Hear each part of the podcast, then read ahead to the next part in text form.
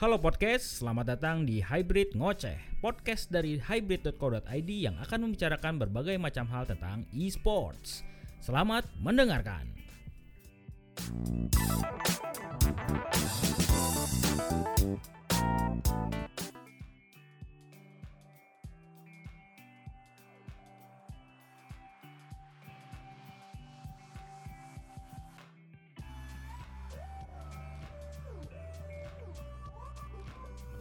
Eh, Ojan eh men- pertama menurut Akbar tadi menurut Acil katanya gara-gara memang penetrasi mobile berarti bener ya.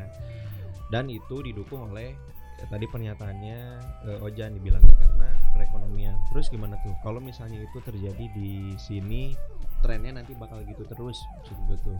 Eh, berarti kan kalau trennya nanti mobile makin tinggi terus yang kayak gini ditutup yang apa eh, yang PC turun turun terus dan ditutup ditutup berarti game kesukaan lu bisa jadi di breakdown gitu tim. Eh, jadi nggak ada lagi yang kayak gitu. Nah itu lu menyikapinya gimana tuh?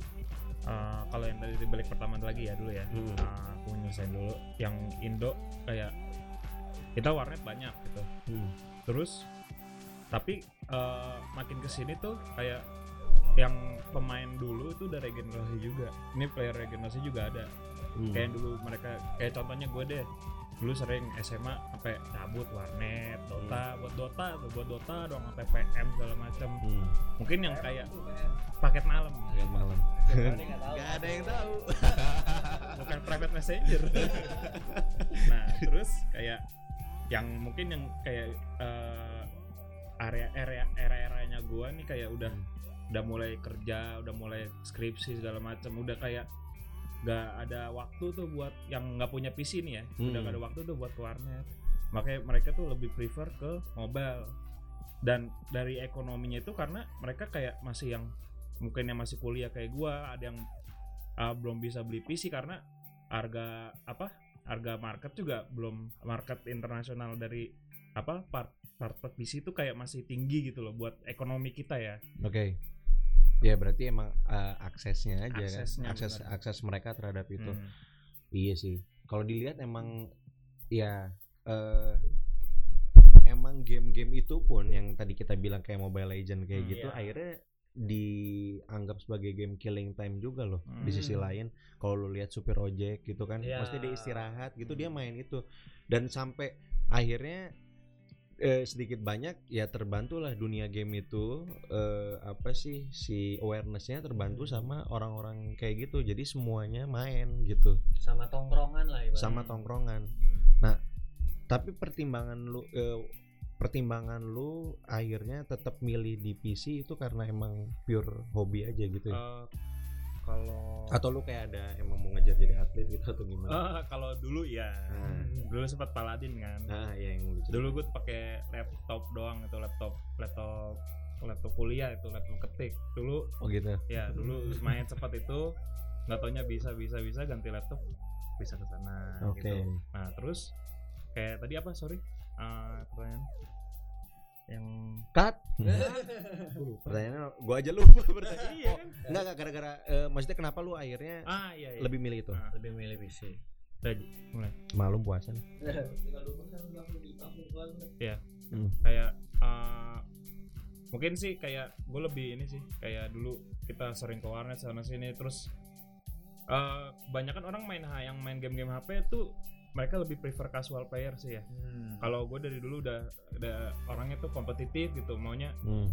ada apa ada harus ada hasil gitu Hmm. kalau kebanyakan dari orang yang kalau yang gue lihat ya gue main HP tuh kayak cuman killing time aja sih dari dulu sampai sekarang Kebanyakan ya. nggak mau Including kayak teman-teman kita di kantor ini Iya. di DS. Hmm. Banyak yang ternyata main mobile tapi nggak nggak banyak yang kayak pemikirannya tuh kayak lu mungkin ya Hmm. yang jadi Sejauh itu. sejauh itu maksudnya dalam arti gini loh mikirnya tuh walaupun mainnya mobile eh tapi dia tuh mikir gua harus ngejar level ini Hmm. tapi beberapa itu kayak si Nanda gitu ya Hmm. itu ada dia salah satu teman kita. ada gitu. salah satu teman kita gua kasih konteks aja nih Namanya Nanda. namanya Nanda Dia Nah, cewek. dia cewek ya, lu Iya. nggak harus tuh ceritain Kalau itu. cowok Nando. iya oh Nando nah maksud gue tuh sampai kalau dia nggak mikir sampai ke sana Hmm. udah aja gua mah cuma seneng-seneng nembak-nembak Iya, gitu ngerusuh. Mungkin Ngerusuh mau, doang. mau nambahin juga dikit nih kalau Iya, boleh. menurut gua mungkin di sini ya ada perannya juga adalah masalah bukan masalah ya tapi kayak memang shifting generasi gitu. Nah, bisa dibilang kalau misalnya eh, generasi kita nih sebenarnya Hmm. kan kalau ngomong milenials nih ini yang gua rasa juga kadang-kadang suka salah di media sih. Iya. yang dibilang e-sport tuh penikmatnya milenials padahal milenials tuh kita kan? Iya iya. yang 90-an nih. Ah, nah kita itu yang 90-an tahunnya game itu adalah dari PC kan. Hmm, dari apa sih namanya? Konsol. Sega iya, iya. Nintendo tuh sampai di PC tuh ada apa sih namanya tuh yang main golf lah main apa ski free gitu kan Ya ya ski free yo yo yo. ya pokoknya Yang ada beruang gitu. Yo Iya, iya, Ya ya ada. Kejar-kejar. Ini gitu maksudnya kita kita milenial tuh taunya main game mulai dari mana dari PC dari Hmm. konsol baru seiring kita makin dewasa oh ternyata teknologi mobile berkembang nih jadi kayak Hmm. kita tambah pilihan kita bertambah Hmm. nah kalau ngomongin lagi yang uh, shifting generasi tadi si apa namanya kebanyakan yang penggemar mobile legends itu sebenarnya kan da- mereka datang dari generasi apa ya namanya ya Z apa sih Iya Gen Z. Iya sebenarnya. Gen Z ya sebenarnya 2000-an ini ya. ini kita yang ngedefinisin aja ya. Iya, soalnya istilahnya. soalnya media kadang-kadang salah. Hmm. Eh, media dan masyarakat umum kadang-kadang dibilang millennials itu adalah semua aja yang semua yang pokoknya semua yang bajunya hype beast itu dia millennials. millennial. Langsung gitu tuh pasti. Ya. pakai sepatu Adidas Pakai sepatu Adidas. Iya, millennials, millennials. Nah, Enggak, jadi gini nih, gen eh apa millennials itu kita yang 90-an nih 90-an. Ah. Oh enggak gue 2000. Eh, Itu. Eh, 2000-an. milenium milenium sih ingat gue namanya tuh. ada dulu tahun milenium Iya, tahun iya. milenium ya, milenial Pak. itu Iya, milen apa eh, milenium ya, Hmm. abad eh bukan abad. Milenium tuh 1000 tahun 2000. 2000. per Dua 2000 per 2000. makanya itu milenium Nah, sebenarnya eh, millennials itu 90-an ya, kelahiran Hmm. Ya. akhir 80-an Hmm. Sampai 2000 awal. Eh enggak sih ya? Sampai 90. Sampai 90 akhir, ya, 90 akhir, makanya 98. milenium 2000 tuh. Makanya milenium tuh, millennials. Nah, setelahnya tuh Gen Z ya kan. Ya. Sebelumnya Gen X, sebelum Baby millennials. Kalau baby boomers lebih Oh, jauh lagi. jauh lagi ya? Iya. Baby boomers itu. Ay, jadi Ah, jadi, jadi- jadi jadi generasi Jadi generasi. tapi ya itu intinya eh, yang 2000-an ini yang jadi ibaratnya masa terbesarnya di e-sport masa kini mereka Hmm. nggak tahu soal PC Enggak. mereka nggak tahu soal konsol yang memang sesuatu yang diwajarkan juga gitu karena mereka ya ibaratnya kayak lu anak SMA gitu loh Oke. teman-teman lu semuanya main di mobile masa lu kayak ah gua mau main di warnet ngapain gitu kan lu Iya, kan iya. zaman-zaman SMA SMP itu yang lo Masih cari ikut kelompok iya penerimaan kelompok ya Hmm. apa sih kok penerimaan kelompok ya pokoknya ini lu diterima sama Diterima geng sama kan. geng. Ya. gitu kan Hmm. gua rasa itu ada satu, salah satu perannya adalah Salah- itu Oke. shifting generationnya Shifting generation ya. Hmm. kalau di Indo Nah, kalau di luar kalau di luar nah kalau di luar tuh mungkin kayaknya tetap sama gitu jadi eh, gamenya aja yang berubah hmm. jadi kayak kalau di luar mungkin nih ya kayak gengan yang di SMA ini nggak apa namanya ya mereka tetap main di PC tapi kayak eh gue kemarin habis main Fortnite loh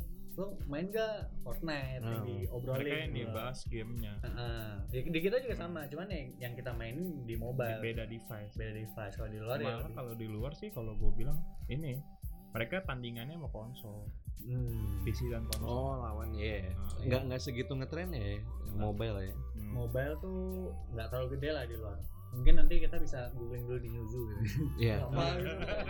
Ini mulu. sekali ya BTW gue bikin proposal nyuzu. gue lihat anak editorial nulis nyuzu lagi. Gue udah ketemu andalan banget tuh itu andalan. Tapi intinya emang emang ya penetrasinya yang mobile game Hmm. apa sorry per- eh, player di mobile emang Ya. di Indonesia lebih spike up. lebih besar Konsol juga sama berarti konsol tuh bisa kena imbasnya juga ya.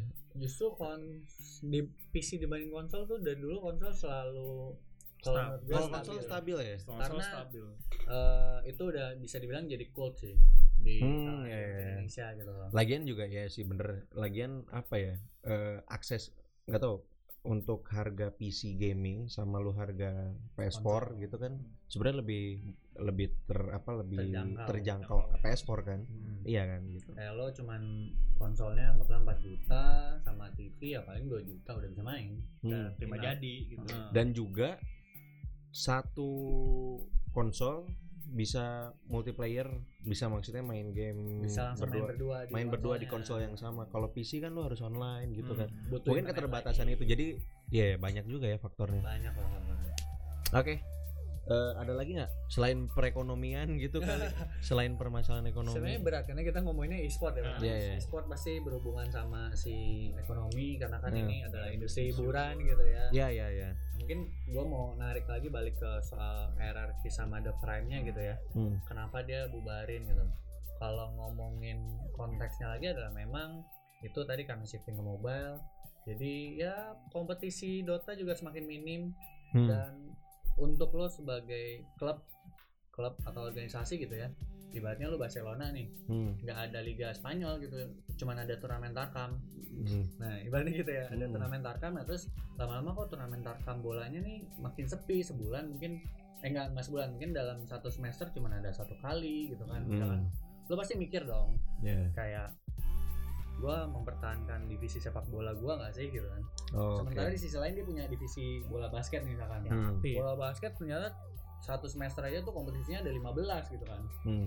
nah, lu pasti kayak aduh ini kayaknya walaupun gua tahu gua muncul dari eh, apa sih namanya sepak bola tapi kalau didiemin terus kan bakal makin berat gitu ya apa nih berat ke biaya gitu Tapi kan. alasannya juga jadi akhirnya muter-muter lagi vicious cycle kan. Jadi Iya. lingkaran setan. Maksud gua Hmm. eh, ketika lu bilang permasalahannya adalah karena organizernya juga makin berkurang. Organizer juga mikir bu- mikir mikir mikir mikin kikil udah oh, udah mikirnya kikir iya kikil rendang gitu aduh gua buka apa Nah, organizer juga mikir gitu. Maksudnya kayak ngapain gue invest ke sini kalau pemainnya juga dikit kayak gitu Iya, kan? sebenarnya balik lagi ke sana kan? Balik semua ada lagi. hubungannya. Semua ada hubungannya. Dan semua. itu balik lagi ditarik lagi sebenarnya ke lebih ke apa sih namanya dukungan publishernya itu sendiri.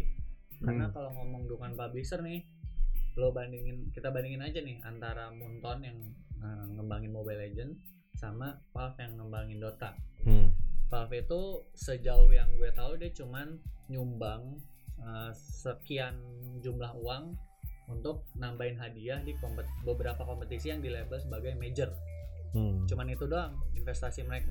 Sama satu lagi mungkin tambahnya dia bikin di internasional tuh yang mereka bikin sendiri tuh. Hmm. jadi kayak tambahin duit tambahin duit tambahin duit ada di internasional. Jadi kompetisinya tuh sifatnya sirkuit kayak tadi turnamen tarkam. Lu ikut turnamen tarkam A dapat poin sekian turnamen tarkam B dapat poin sekian Oh, oke. dari total lu ikut turnamen tarkam berapa kali menang lu bisa ikut turnamen yang Lebih gede eh, lagi. piala gubernur lah misalkan iya, iya. jadi ini nggak tarkam lagi nih Iya iya iya. iya. Ibaratnya gitu tuh Dota tuh kayak Ada gitu. Kayak Subasa awalnya di Nankatsu gitu Iya. kan. Iya. Nah, terus kalau sementara Kenapa bener kan? Kenapa jadi film ini kita ibaratnya emang merakyat gitu ya Merakyat, iya. analoginya Nah, Iya iya biar kebayang. biar analoginya kebayang iya. sementara Mobile Legends nih ibaratnya kayak eh, dia bener dia investasi gede-gedean dia eh, dia ngerasa di Indonesia gamenya gede sementara Hmm. di negara lain nggak terlalu gimana-gimana gitu kan Hmm. dia investasinya gede-gedean di Indonesia dia bikin Premier League ibaratnya gitu Hmm. kayak ibaratnya eh, FIFA di Inggris namanya FIFA nggak sih ibaratnya PSSI lah PS. PSSI gitu kan ngeliat Iya iya. iya. pemain bola di Indonesia banyak PSSI juga Persatuan Sepak Bola Inggris. Inggris.